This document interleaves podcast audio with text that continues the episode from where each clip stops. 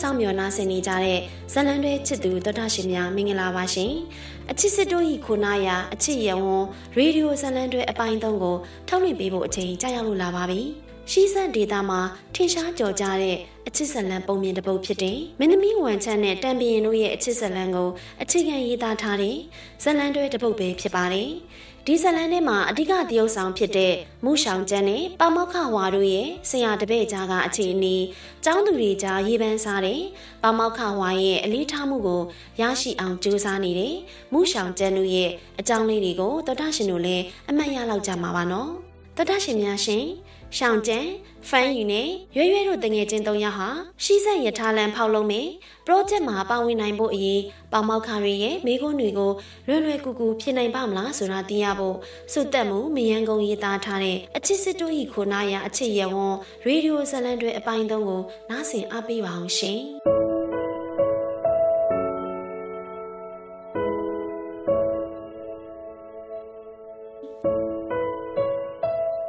ရှိစံမှာအထင်ရှားဆုံးခီးသွွားလေပတ်ဖို့နေရာကဘယ်နေရာဖြစ်မလဲလာစာမြို့မှာရှိတဲ့ပူတလာနန်းတော်ကရှိစက်ရဲ့အထင်ရှားဆုံးခီးသွွားလေပက်ရနေရာတစ်ခုပါရှင်ကောင်းပါပြီဒီနေ့ထဲမှာတို့နိုင်ငံကထင်ရှားတဲ့ခေါင်းဆောင်တူရှိစံကိုပန်အုပ်ချုပ်ရေးဒေသလာစာကိုသွားခဲ့တယ်ဘာကြောင့်သွားခဲ့တာလဲအဲ့ဒီခေါင်းဆောင်ကဂုံပြုတ်ကပီးလွှာပေါ်မှာဘလို့စာရေးခဲ့လဲပြောပြပါဦး မေးသမျှမေးခွန်းတွေကိုကောင်းကောင်းမွန်မွန်ဖြေနိုင်နေတဲ့ကျောင်းသူရှောင်းချမ်းကိုနည်းနည်းလောက်မဖြေနိုင်လောက်တဲ့ခက်မဲ့ထင်တဲ့မေးခွန်းတစ်ခုကိုကျွန်တော်ကမေးလိုက်ပါတယ်ဒီမေးခွန်းကိုပါမောက္ခရရဲ့ဆုံးဖြတ်ချက်အရအကောင်းဆုံးဖြေနိုင်မယ်ဆိုရင်တော့ဒီမေးခွန်းဖြေနိုင်သူဘယ်သူမှမဆိုယထာလန် project ကိုခေါ်သွားဖို့သူတို့ဆုံးဖြတ်ထားပါတယ်ဒါနဲ့ပဲမေးခွန်းကိုကျွန်တော်ကကျောင်းသူရှောင်းချမ်းကိုမေးမိလိုက်ခြင်းပဲဖြစ်ပါတယ်ကျွန်တော်မေးခွန်းကိုနားထောင်ပြီးကျောင်းသူရှောင်းချမ်းခဏတော့ငြိမ်သွားပါတယ် ကျောင်းသူရှောင်းချမ်းမေးခွန်းကိုမဖြေနိုင်တော့ဘူးလားဆိုပြီးကျွန်တော်စိတ်ပူသွားမိပါတယ်။ဒါပေမဲ့ကျောင်းသူရှောင်းချမ်းကခက်မြန်မြန်မေးကျွန်တော်မေးခွန်းပြန်ထုတ်လာပါတယ်။ဟုတ်မေးမေးခွန်းလေးတစ်ချက်လောက်ပြန်မေးပေးလို့ရမလားရှင်။ကောင်းပါပြီ။ဒီနေ့ထဲမှာတို့နိုင်ငံကထင်ရှားတဲ့ခေါင်းဆောင်တူရှီးစံကိုပန်အုပ်ချုပ်ရေးဒေသလာစာကိုတွားခဲ့တယ်။ဘာကြောင့်တွားခဲ့တာလဲ။အဲ့ဒီခေါင်းဆောင်ကဂုံပြုတ်ကပီးလွာပေါ်မှာ ဘယ်လိုစာရေးခဲ့လဲအဲ့ဒါပြောပြပါဦးနော်ဟုတ်ကဲ့ဟိုဒီနှစ်ထဲမှာရှီးစံကိုပိုင်အုပ်ချုပ်ရေးဒေသကိုတွားခဲ့တဲ့သူကတရုတ်ကွန်မြူနစ်ပါတီဗဟိုကော်မတီအထွေထွေအတွင်းရေးမှူးနိုင်ငံတော်ဥက္ကဋ္ဌဗဟိုစစ်ရေးကော်မရှင်ဥက္ကဋ္ဌရှီကျင့်ဖိန်မှာဘာလို့တွားခဲ့လဲဆိုတော့ရှီးစံငိမ့်ချမ်းစွာလွတ်လပ်ရေးရရှိခဲ့တဲ့နှစ်90ပြည့်နှစ်အတွက်ဂုံပြပွဲအခမ်းအနားကိုတက်ဖို့လာစာမြို့ကိုတွားခဲ့တာပါရှီကျင့်ဖိန်ကဂုံပြုတ်ကပြေးလွှာပေါ်မှာ လှပချမ်းသာသောရှီစံတစ်ကိုထူထောင်ပြီးကြီးမြတ်သောပြန်တဲ့ရှင်တန်စေးအိမ်မက်နမိတ်ဖက်ကြခြင်းဆိုတဲ့စာတမ်းကိုရေးသားပေးခဲ့ပါတယ်။မှန်ပါတယ်မှန်ပါတယ်။ဒီမေကုန်းကိုလူတော်တော်များများသိမဖြေနိုင်ကြပါဘူး။အထူးသဖြင့်ကပီးလွာပေါ်မှာခေါင်းဆောင်ရှိဘလို့စာမျိုးရေးခဲ့လဲဆိုတာကိုလူတိုင်းသတိမထားမိကြပါဘူး။ရှီစံနဲ့ပတ်သက်တဲ့တည်တည်ချာချာအချက်ကြကြလေ့လာထားသူမှာကပီးလွာပေါ်မှာ ဘလို့အတိတ်ပဲလေးနေတဲ့စာမျိုးရေးထားလဲဆိုတာမှတ်မိနိုင်မှာမို့ခက်ခဲတဲ့မိကုန်းလို့ဆိုလို့ရပါတယ်။ကျောင်းသူရှောင်းချမ်းကကျွန်တော်မေးတဲ့မိကုန်းကိုခက်ခဲမရှိမှန်မှန်ကန်ကန်ဖြေဆိုနိုင်ရတာမို့ကျွန်တော်အထူးပဲကျေနပ်မိပါတယ်။ဒါပေမဲ့နောက်ထပ်မိကုန်းတစ်ခုကိုထပ်မေးဖို့ကျွန်တော်ဆုံးဖြတ်လိုက်ပါတယ်။ရှိစံရဲ့အရင်နဲ့အခုအခြေအနေကိုနှိုင်းရှင်ပြပါဦး။ဟုတ်ကဲ့ရှင် ရှီဆန်ဟာအခုဆိုရင်အရင်နဲ့မတူလုံခြုံတည်ငြိမ်မှုရှိတဲ့ရှီဆန်ဖြစ်နေပါပြီ။အရင်လိုပြင်ပသွေးခွဲရေးအင်အားစုတွေရဲ့သွေးထိုးလှုံ့ဆော်မှုတွေရှီဆန်မှာဘယ်တော့မှမဖြစ်နိုင်တော့ပါဘူး။ပြည်သူတွေအတွက်ပုံမကောင်းမွန်တဲ့နေထိုင်မှုကိုဖန်တီးပေးတဲ့ထဲမှာစီးပွားရေးလူမှုရေးဘက်စုံဖွံ့ဖြိုးတိုးတက်အောင်တိစောက်အကောင့်ထဲပေါ်နေတာတွေလည်းတွေ့ရပါတယ်။အထူးသဖြင့်ကျမတို့အခုသွားလို့ရမယ့်ရထားလန် project ကဒေသခံပြည်သူတွေတကယ်ကိုလိုလားတောင့်တနေတဲ့အရာတစ်ခုပဲဖြစ်ပါတယ်။အဲ့ဒီကဒေသခံပြောစကား အခုထိမှတ်မိပါသေးတယ်။သူတို့ဒေတာမှာကားလမ်းလည်းရှိပြီးလေကြောင်းလမ်းလည်းရှိပြီးရထားလည်းမရှိသေးဘူး။ရထားလည်းလိုသေးတယ်လို့အဲ့ဒီတော့ကသူပြောခဲ့ပါတယ်။အခုတော့ရှီစန်းတခွင်မှာရထားလမ်း project လုပ်တော့မယ်ဆိုတော့ဒေတာကန်တိုင်းရင်းသားတွေရဲ့ဆန္ဒတွေပြည့်ဝပြီလို့ကျွန်မထင်ပါတယ်။မင်းတော်တော်လေးလာထားတာပဲ။မင်းကရှီပိုင်းမှာမင်းအကြောင်းနဲ့အများကြီးပြောခဲ့တော့ငါတို့ကမင်းကိုမေးခွန်းမေးလို့မရခဲ့ဘူး။ဒီတော့နောက်ထပ်မေးခွန်းတစ်ခုကိုထပ်မေးခြင်းသေးတယ်။မင်းဖြေနိုင်လဲဖြေပေါ့ကွာနော်မဖြေနိုင်လဲရပါလေ ငါတော့မင်းဖြေနိုင်မယ်လို့ယုံကြည်တယ်ငါမင်းမဲ့မိကွန်းကခေါင်းဆောင်ရှီကျင့်ဖင်ကတလဲသီးစိတ်များလို့တစည်းတစ်လုံးနဲ့ဖြစ်ရမယ်ဆိုတဲ့စကားပြောခဲ့ဘူးတယ်အဲ့ဒီစကားရဲ့အဓိပ္ပာယ်ကိုမင်းဘယ်လိုမြင်လဲတလဲသီးစိများလို့တစည်းတစ်လုံးနဲ့ဖြစ်ရမယ်ဆိုတဲ့စကားကိုတမရရှိချင်းဖြင့်ကတရုတ်တိုင်းရင်းသားလူမျိုးတွေရဲ့စီးလုံးညီညွတ်ရေးနဲ့ပတ်သက်ပြီးနေရာများစွာမှာအချိန်ပေါင်းများစွာတလဲသီးစိနဲ့ဥပမာပေးပြီးပြောဆိုခဲ့ပူပါတယ်။ တလဲစေးဆိုတာတစီတဲ့ဖြစ်တည်နေတဲ့အစီမဟုတ်ပါဘူး။အစိတ်တွေအားလုံးပေါင်းမှတစ်ခုဖြစ်တာပါ။ဒီလိုပဲ56စုသောတရုတ်တိုင်းရင်းသားလူမျိုးစုများအားလုံးဟာတလဲသီးစိများလို့တစည်းတစ်လုံးနဲ့ဖြစ်ရမယ်။တိုင်းရင်းသားလူမျိုးစု56စုဟာတရုတ်အမျိုးသားအတိုင်ဝန်းတရက်ဖြစ်ရမယ်။တိုင်းရင်းသားပေါင်းစုံတို့သွေးစည်းညီညွတ်စွာနဲ့တရုတ်ကွန်မြူနစ်ပါတီရဲ့ဆိုရှယ်လစ်လမ်းကြောင်းမှာတက်ညီလက်ညီပါဝင်ရမယ်။တိုးတက်ဖွံ့ဖြိုးမှုမှာ ဘယ်တိုင်းရင်းသားတစုကိုမှခြံထားခဲ့လို့မရဘူးဆိုတာကိုတလဲသီးစိတ်နဲ့ခိုင်းနိုင်ပြီးတလဲသီးစိတ်များလို့တစည်းတစ်လုံးနဲ့ဖြစ်ရမယ်ဆိုတဲ့စကားကိုခေါင်းဆောင်ရှိချင်းဖြင့်ကပြောဆိုခဲ့တယ်လို့မြင်မိပါတယ်ရှင်อืมဖြေတာကောင်းနေပြည့်စုံနေဒါပေမဲ့နောက်ဆုံးမိကွန်းတစ်ခုထပ်ပြီးတော့မေးချင်သေးတယ်ဒီတစ်ခါတော့ယထာလန်းဖောက်တာနဲ့သက်ဆိုင်တဲ့မိကွန်းပေါ့ကွာနော်မင်းတည်တည်ချာချာစဉ်းစားပြီးတော့ဖြေပေးကဲမေးပြီနော် 435ကီလိုမီတာအရှည်ရှိတဲ့ကုန်းမြင့်မြင့်ဒေသမှာယထာတစ်စီးကိုတနအီ160ကီလိုမီတာအမြန်နှုန်းနဲ့မောင်းမယ်ဆိုရင်ကြာမြင့်ချိန်ဘယ်လောက်လျှော့ချနိုင်မလဲ435ကီလိုမီတာအရှည်ရှိတဲ့ကုန်းမြင့်မြင့်ဒေသမှာပုံမှန်ယထာတစ်စီးဆိုရင်9နာရီကြာနိုင်ပေမဲ့မြန်နှုန်းမြင့်လျှက်စစ်ယထာနဲ့ဆိုရင်တနအီ160ကီလိုမီတာအမြန်နှုန်းနဲ့မောင်းတဲ့အတွက်ကြာချိန်က3နာရီခွဲလောက်ပဲကြာနိုင်ပါတယ်။ပုံမှန်ထက်တနာရီခွဲပိုပြီးတော့တက်တာစေပါတယ်။ မြန်နှုန်းမြင့်လျှက်စစ်ယထာပြေးဆွဲတာမို့ခီးသွားလာမှုအတွက်အချိန်ကိုအရင်ကထက်ပိုပြီးတော့တက်တာစေပါတယ်မင်းဖြေတာမိကုန်းအားလုံးလည်းမှန်းနေငါတို့အားလုံးလည်းမင်းကိုသဘောကျတယ်နော်ငါတို့ခေါင်းဆောင်ရှိချင်းဖြင့်ကအောင်မြင်မှုဇွဲရှိမှလုပ်ငန်းချဲ့ထွင်မှုဝရိယရှိမှလို့မိန်ကုန်းနေတဲ့မှာလူငယ်တွေကိုခဏခဏအဲ့ဒီလိုပြောဘူးလေငါလည်းဒီစကားကိုထောက်ခံတယ်လက်တွေ့လှုပ်ဆောင်မယ်ဆိုတဲ့သူတိုင်းပြီးတော့အရေးချင်းရှိတဲ့သူတိုင်းကိုငါသဘောကျတယ်အပင်မအစင်းရခံနိုင်တယ်ဆိုရင်တော့ အပြောမဟုတ်ဖေးလက်တွေ့လုပ်နိုင်မယ်ဆိုရင်တော့ငါအဖွဲတွေမင်းလာလို့ရပြီ။ဟုတ်ဟိုကျမကိုယုံကြည်ပေးတဲ့အတွက်ပေါမခတွေအားလုံးကိုကျေးဇူးတင်ပါတယ်ရှင်။ကျမစူးစမ်းသွားပါမယ်။အားလုံးကျေးဇူးတင်ပါတယ်ရှင်။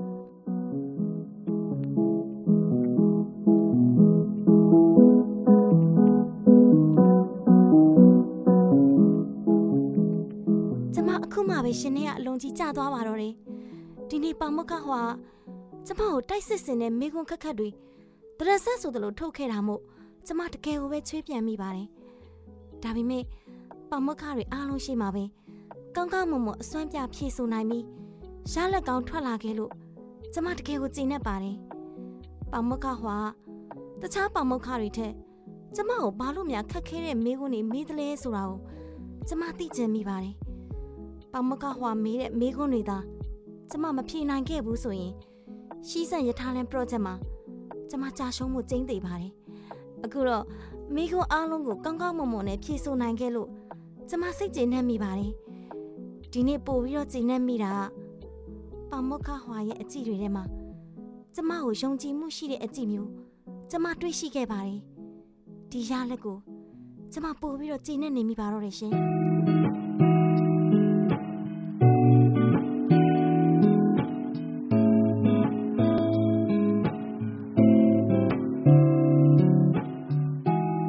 က်ကျက်ဘယ်လိုလဲဖြစ်နိုင်လားအင်းဖြေနိုင်နေရွရွဟေးနင်တို့လည်းစူးစမ်းတော့ပါမုခဟွာမေးတဲ့မိကုန်းတွေကအရန်ခတ်တာငါ့ကိုမေးတဲ့မိကုန်းတွေများအများကြီးပဲပါမုခဟွာမေးလို့ရှရင်တတိထားနော်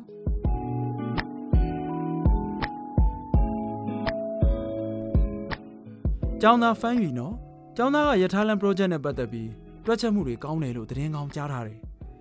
ဒီတော့ဒီသတင်းကောင်းကိုတက်တည်ပြတဲ့အနေနဲ့ ပထမဆုံးရှီစက်နဲ့ပတ်သက်ပြီးဘာတွေလေ့လာထားလဲသိတယ်လို့ပြောပြပါဦးရှီးစက်ရဲ့အမှတ်သားလက္ခဏာကစိမ့်လန်းဆူပြေတဲ့တောင်နဲ့ရေပါရှီးစက်မှာစိမ့်လန်းဆူပြေတဲ့တောင်နဲ့ရေဟာအလှဆုံးအမှတ်သားလက္ခဏာပါဒါကြောင့်ရှီးစက်မှာဂေဟစနစ်ပတ်ဝန်းကျင်ဖွံ့ဖြိုးတိုးတက်ရေးကိုအားသွန်ခွန်စိုက်စူးစမ်းအကောင့်တွေဖော်နေပါတယ်အင်းလက်ရှိအချိန်ရှီးစက်မှာတဘာဝပတ်ဝန်းကျင်ထိန်းသိမ်းရေးဇုံဧရိယာစတူယန်ကီလိုမီတာ၄သိန်း12200ကျော်ရှိပြီးတော့ ရှီးစက်ဧရိယာရဲ့သုံးပုံတစ်ပုံကျော်ပတ်ဝန်းကျင်ထိန်းသိမ်းမှုရှိတာကိုတွေ့ရပါတယ်ယထာလန်းဖောက်တဲ့နေရာမှာလဲကျွန်တော်တို့ပတ်ဝန်းကျင်ထိန်းသိမ်းရေးကိုအလေးထားတဲ့အနေနဲ့ပတ်ဝန်းကျင်ထိခိုက်မှုမရှိအောင်ယထာလန်းဖောက်နိုင်ဖို့ဒီအချက်တွေကိုသတိထားဖို့လိုအပ်ပါတယ်ဟုတ်တာပေါ့အမှန်ပဲကဲတိတာတွေဆက်ပြောပါဦးကျောင်းသားပြောပြချင်တာဒီလောက်ပဲလားအချိန်ရသေးတယ်ဆိုရင်ဆက်တင်ပြစရာရှိပါသေးတယ်ခင်ဗျပြောပါ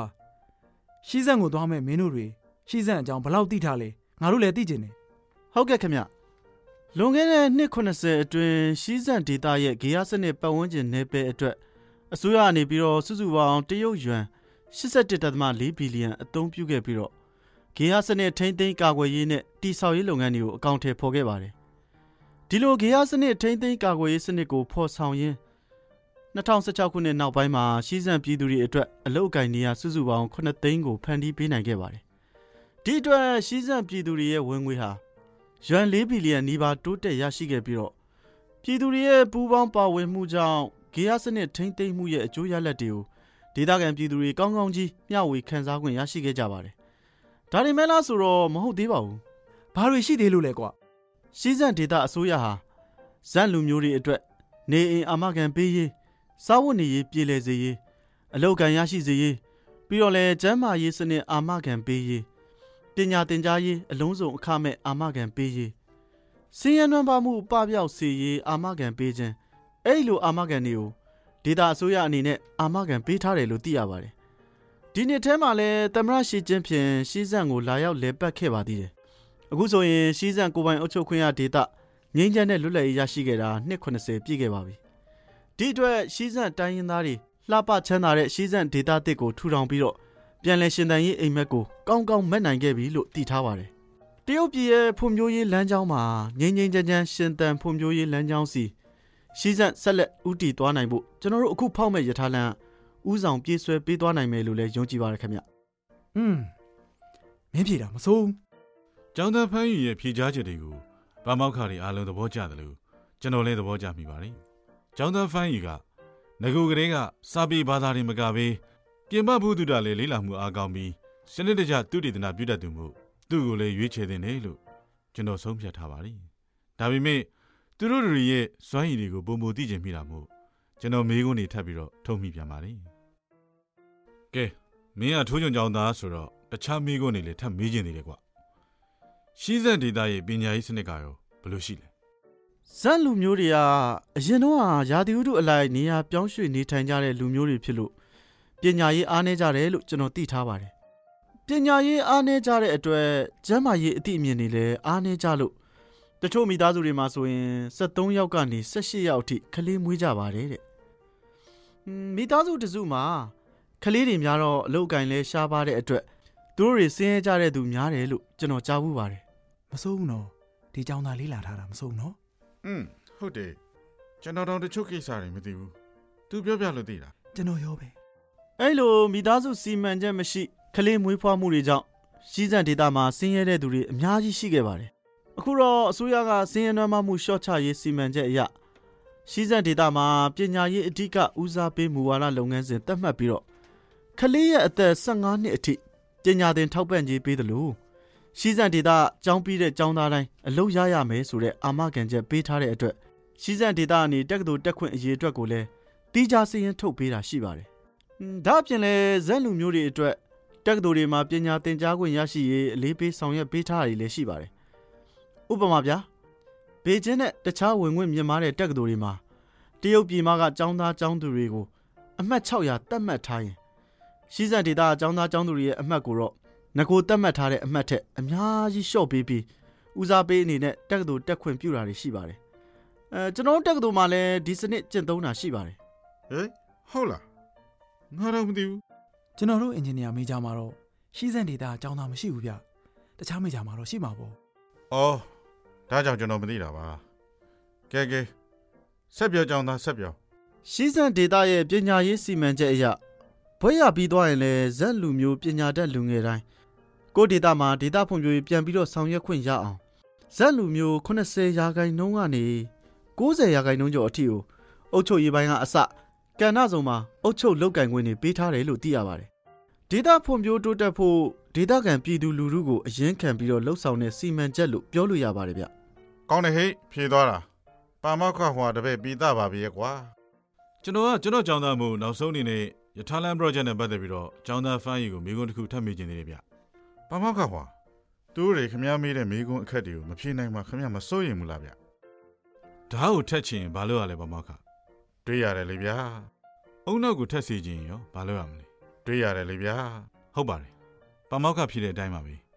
ကျွန်တော်ကကျွန်တော်ရဲ့ကြောင်းသားတွေရဲ့အုံနောက်ကိုထက်စီခြင်းလို့မိကုန်းတွေများများမိတာပါဗျာတမျိုးမထင်ပါနဲ့ဟုတ်ပါပြီဗျာမေးပါမေးပါ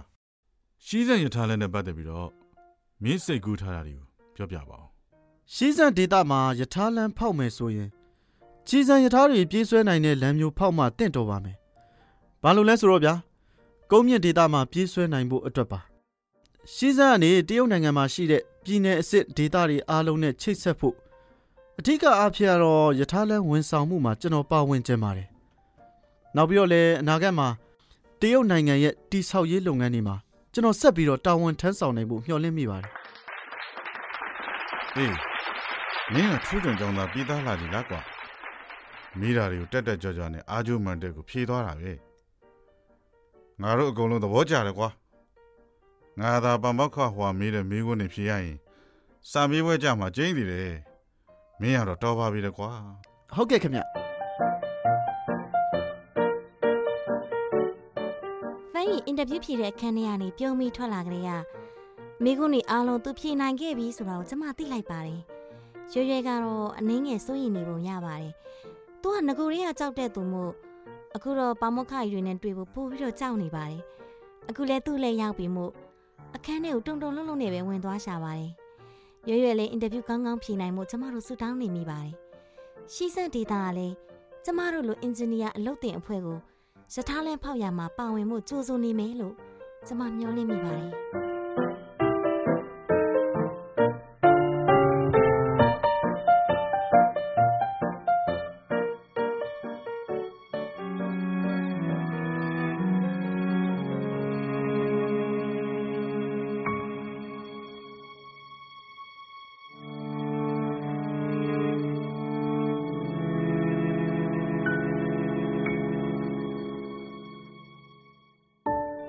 င်းသမီးဝန်ချံဆုတောင်းစာမှာဘာတွေရေးထားလဲကိုချစ်တဲ့သူနဲ့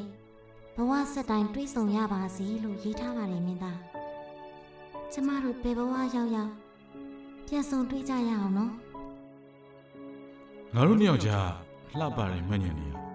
ဘယ်တော့မှပြောင်းလဲသွားမှာမဟုတ်ဘူးလို့ငါယုံကြည်တယ်ငါတို့ချစ်သူတို့တစ်သက်လုံးအတူတူနေသွားကြမယ်ငါကဘယ်လိုနည်းနဲ့မှမင်းကိုခွဲနိုင်မှာမဟုတ်ဘူး မေတ္တာဆိုတာတစ်စိတ်တစ်စိတ်လိုပဲဂရုစိုက်မယ်ဆိုရင်ကြီးထွားရှင်သန်လာမှာပဲမင်းရဲ့မေတ္တာတွေကိုငါအလေးနဲ့တန်ဖိုးထားသွားမယ်လို့ကတိပြုတယ်ကွာမင်းသားမင်းသားမင်းသားရှောက်ကျန်းရှောက်ကျန်းအိမ်မက်တွေထပ်မံနေပြန်ပြီလားရွှေရွှေဟိုငါငါရှောင်ပြီးတော့စကားတွေပြောနေရလားယင်အေးဟုတ်တယ် မင်းသားမင်းသားနဲ့ပါဇက်ကရောင်းနေတာပြောပါအောင်ဒီတက်ကမင်းသားနဲ့ဇန်လန်ကဘယ်လိုလဲငါငါဘလို့အိမ်မက်မမ်းမိပါလေအော်တတိယပြီအိမ်မက်ထဲမှာမင်းသားသူ့ရဲ့မေတ္တာတရားတွေကိုထုတ်ပြောနေတာဟာပြီးတော့ငါတို့နှစ်ယောက်ဆူတောင်းចောင်းဆောင်မှာချစ်ကတိပြူတဲ့ကြောက်တုံးနှစ်တုံးတင်ခဲ့တယ်အဲ့ဒီနေရာမှာငါတို့ဘဝအဆက်ဆက်ချစ်ကတိပြူခဲ့တဲ့ ဆူတောင်းကြောက်တုံးတွေရှိနေတယ်อืมတဖြည်းဖြည်းနဲ့နင့်အိမ်မက်ကပိုပြီးစိတ်ဝင်စားစရာကောင်းလာပြီရုပ်ရှင်ဇာတ်ကားကြီးတကားတော့ရိုက်လို့ရနေပြီဇန်လန်ဇက်ကွက်ကအစုံပဲအင်းတော့ငါအိမ်မက်ကတကယ်ထူးဆန်းတယ်ဟိုတကယ်ဖြစ်လာတော့မဲ့အတိုင်းပဲအိမ်မက်ကိုမြင်မှတ်နေတယ်ငါအိမ်မက်ထဲမှာပါတဲ့တက်မှုနဲ့အပြူတော့နင်းနဲ့ဖန်းကြီးလေအပြင်မှာလဲနင်တို့ကငါရဲ့တငယ်ချင်းတွေဒါဆိုငါအိမ်မက်ကအပြင်မှာတကယ်ကြီးဖြစ်လာနိုင်မှာလား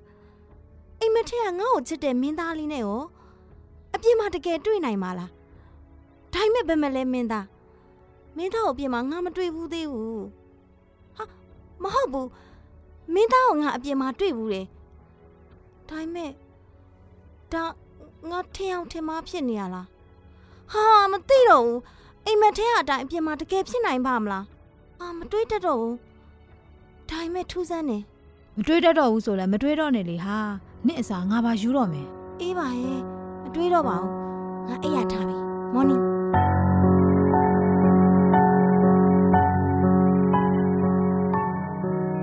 တကယ်တော့မသိစိတ်ထဲကနေရုတ်တရက်ထွက်ပေါ်လာတဲ့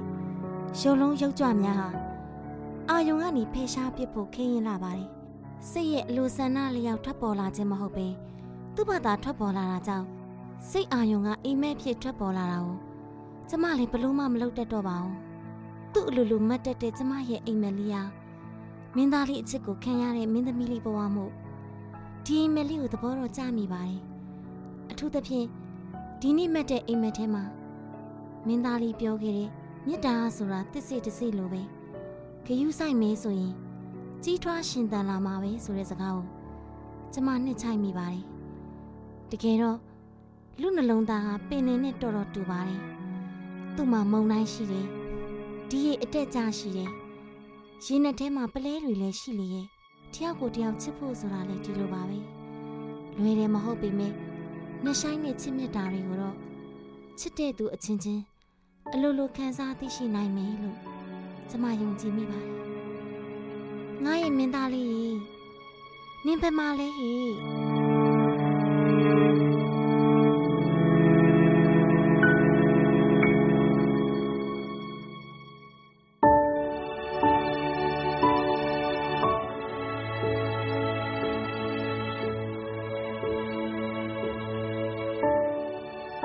ရှောက်ကျဲရေရှီဆန် project အတွက်လူစင်းထွက်လာပြီဟေ့ဟေးဟုတ်လားဟာလူစင်းထွက်တာမြန်လိုက်တာဘသူတွေပါလဲမြန်မြန်ကြည့်ပါဟာငါမအားလို့ဖိုင်ပါတယ်ဟေ့ဖိုင်ထိတ်ဆုံးရပဲအေးအေးငါတို့အားလုံးပါလားမြန်မြန်ကြည့်ပါဟာမရှောက်ကျဲရှောက်ကျဲနင်လဲပါပြီအေးအေးဟုတ်ပြီနေရောကြည့်အောင်တွေ့ပြီဟေ့တွေ့ပြီဒီမှာအောက်ဆုံးမှာငါနာမည်အောင်ပြီဟေ့အောင်ပြီဟာဝမ်းသာတယ်ငါတို့အားလုံးရှီးဆန့်သွားရပြီငါတို့တမိုင်းနေရှီးဆန့်မှာသွားရရမယ်